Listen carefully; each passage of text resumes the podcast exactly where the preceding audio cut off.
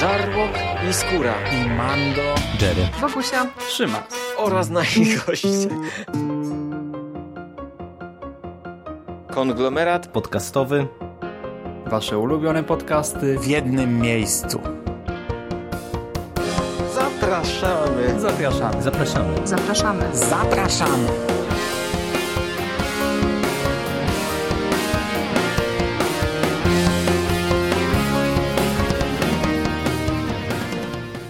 Cześć, z tej strony Michał Rakowicz, czyli Jerry i witam Was e, w kolejnym odcinku konglomeratu podcastowego. E, Dziś e, omówię dla Was po raz kolejny w ostatnim czasie komiks. Jakoś tak e, mi się układa e, życie, że jakoś nie mam ochoty specjalnie na seriale, filmy, książki, e, a komiksów w ostatnim czasie czytam bardzo dużo i tak wyczytuję to, co mam na półkach, to, co odkładałem od jakiegoś czasu. No i tak e, postanowiłem sięgnąć e, w ramach e, właśnie wybierania tych co ciekawszych publikacji, które gdzieś tam na półce mi się nieco kurzą, po komiks Piękna Ciemność. Jest to komiks wydany przez Kulturę Gniewu, jeżeli dobrze pamiętam, w 2018 roku. E, Jest to komiks francuski, e, jeden album zbierający całą historię, wiecie, to jest autonomiczna opowieść, ze scenariuszem Marie Pompuy i Fabiena Wellmana oraz z rysunkami Crasso. I to jest duet, który tworzy między innymi chyba e, autorka scenariusza, z tego co doczytałem, ale ja od razu wam powiem, że ja o twórcach nic nie wiem, nie znam żadnych y, ich y, prac, także nawet nie będę się tutaj wypowiadał, na ile ten komiks jest jakimś godnym reprezentantem tego, co robią. To jest komiks, o którym ja słyszałem dosyć dużo e, już e, dawno temu. E, i e, no, słyszałem, że to jest opowieść bardzo nietypowa, bardzo intrygująca, coś, co wyróżnia się na tle innych komiksów, e, które w e, ostatnich latach były w Polsce wydane.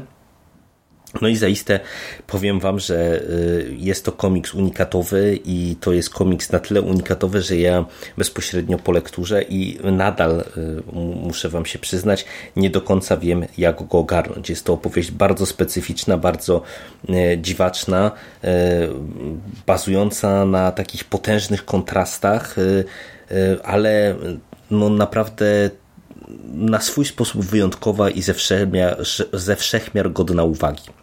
Pokrótce postaram się Wam streścić fabułę, czy zarys fabuły tak naprawdę, bo ten komiks porusza bardzo wiele różnych kwestii. Spotykamy na początku Aurorę. Aurorę, która y, spotyka się na kawie, na, na takiej herbatce, jakimś tam na ciastku z niejakim Hektorem. E, Widać, że para się ma ku sobie. No i w trakcie tego ich spotkania nagle e, zaczyna im się walić na głowę ich świat. Zaczynają skapywać takie mm, jakieś e, czerwono-brązowe strugi czegoś, nie wiemy czego z sufitu. E, Aurora, Hektor i e, ich przyjaciele e, próbują się wydostać z e, tego e, pomieszczenia. E, No i wydostają się na zewnątrz i nagle okazuje się, że znajdują się na łące, gdzie pada deszcz. I okazuje się, że e, nasze postaci mm, rysowane w taki dosyć e, kreskówkowy, bajkowy sposób wychodzą z ciała martwej dziewczynki. Tak, dobrze słyszycie. Tutaj na jednym z pierwszych kadrów widzimy ciało martwej dziewczynki, które opuszcza właśnie e, cała zgraja takich e, jakichś małych, śmiesznych ludzików. E, No i historia rozpoczyna się od e, próby ułożenia e, sobie życia tej dziwacznej społeczności, która opuściło, która opuściła ciało Aurory, bo dziewczynka miała na imię tak samo jak nasza główna protagonistka komiksu. I Aurora e, przyjmuje szybko inicjatywę i próbuje to społeczeństwo w pewien sposób poukładać, no bo wiecie, e, oni gdzieś tam sobie funkcjonowali w tym świecie wewnętrznym e, tej dziewczynki zwanej Aurorą, no ale coś trzeba jeść, jakoś trzeba funkcjonować, no i tak naprawdę my obserwujemy jak ta społeczność się formuje, jak nie wiem, zostają podzielone role, jak dochodzi do podziału jedzenia, czy czy, do zdobywania jedzenia.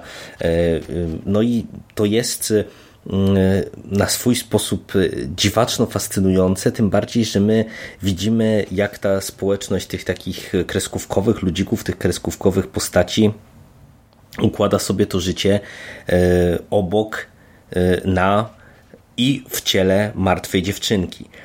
I tak jak mówię, no to jest historia, która jest zbudowana na całej gamie kontrastów, począwszy właśnie od y, tego takiego najbardziej bazowego, czyli tego, że wiecie, mamy mm, taką bardzo kartunową kreskę, taką bajkową, y, te wszystkie postaci, ten świat przedstawiony, one są rysowane mm, w y, takich ciepłych, często bardzo barwach pastelowych, one są, czy wyglądają przesympatycznie, a wszystko to, to się styka z tą martwą dziewczynką, co do której my nie wiemy, czy ona została zamordowana, czy czy stało się jej jeszcze coś gorszego.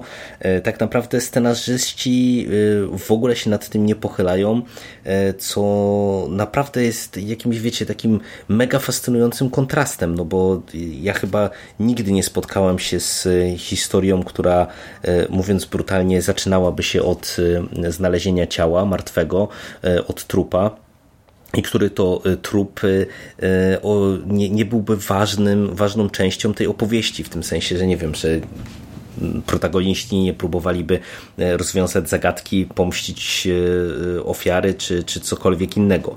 E, tutaj tak naprawdę ta martwa dziewczynka staje się tylko katalizatorem wydarzeń do zaprezentowania właśnie jak ta społeczność tych małych ludzików będzie sobie z tą nową sytuacją radziła.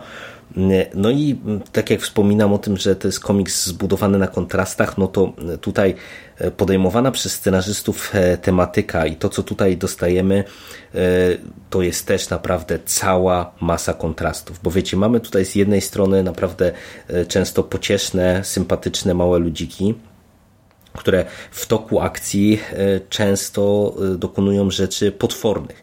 To jest komiks, który y, wielokrotnie was szokuje scenami rodem jak z najmocniejszych horrorów. Tutaj twórcy nie stronią od jakiegoś body horroru i to tam naprawdę takiego momentami bardzo mocnego, bardzo wręcz obleśnego body horroru. Mamy tutaj sceny morderstw, sceny kanibalizmu, i tak dalej, i tak dalej. I to jest y, historia, która naprawdę y, zaskakuje na każdym kroku.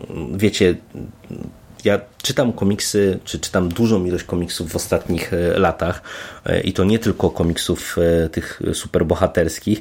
Wydawało mi się, że już naprawdę dużo rzeczy e, w swoim życiu nietypowych widziałem, ale z czymś takim, co tutaj dostajemy, nie spotkałem się nigdy. Tak naprawdę, wiecie, przewracałem kolejne kartki tego komiksu e, i kompletnie nawet nie byłem w stanie wyczuć, w jakim kierunku to zmierza, e, a cała ta opowieść stopniowo też ewoluuje. Tutaj, wiecie, początkowo ta historia skupia się właśnie na tej społeczności, na próbie budowy tej, tej tej społeczności tych ludzików, e, aby stopniowo wejść w mm, te, taką powiedziałbym bardziej osobistą historię, e, kiedy to e, opowieść o Aurorze wychodzi na pierwszy plan, kiedy Widzimy, jak ta nasza przesympatyczna, zaradna dziewczyna będzie musiała się zmierzyć mm, z resztą społeczeństwa, z tym, co trochę poniekąd można powiedzieć, że stworzyła i jak to na nią wpłynie, e, jak ona się zmieni, jaką, e, jaką przejmie drogę.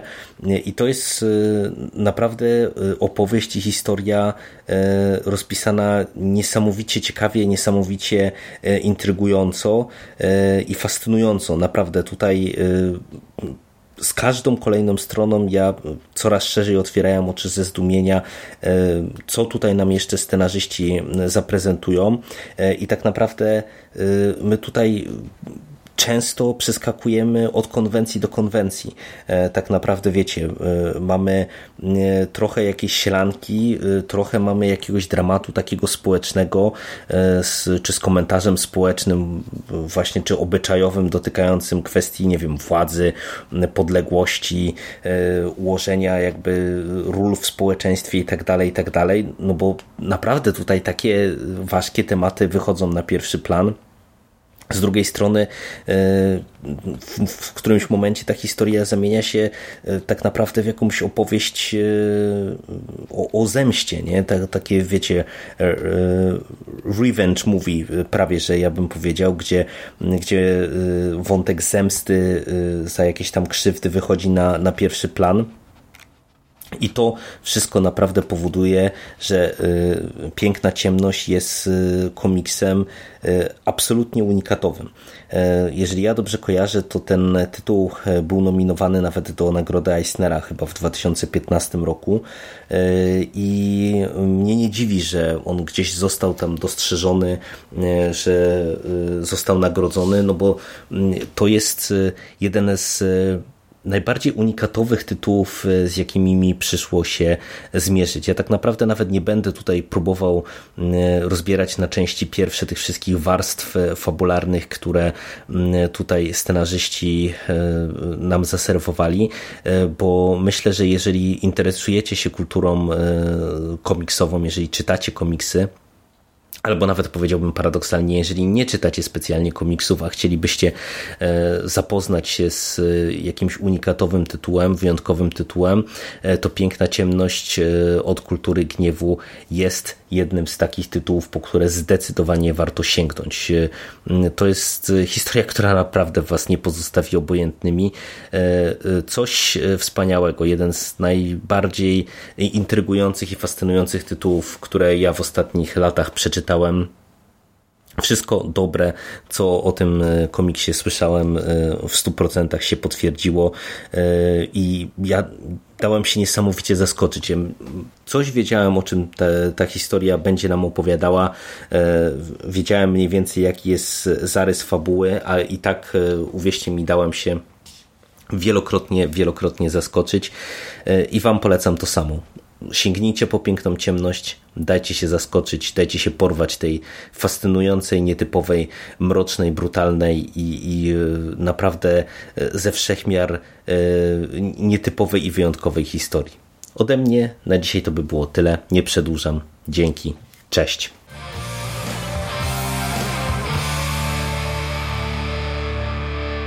You finished? That's it, man. Game over, man.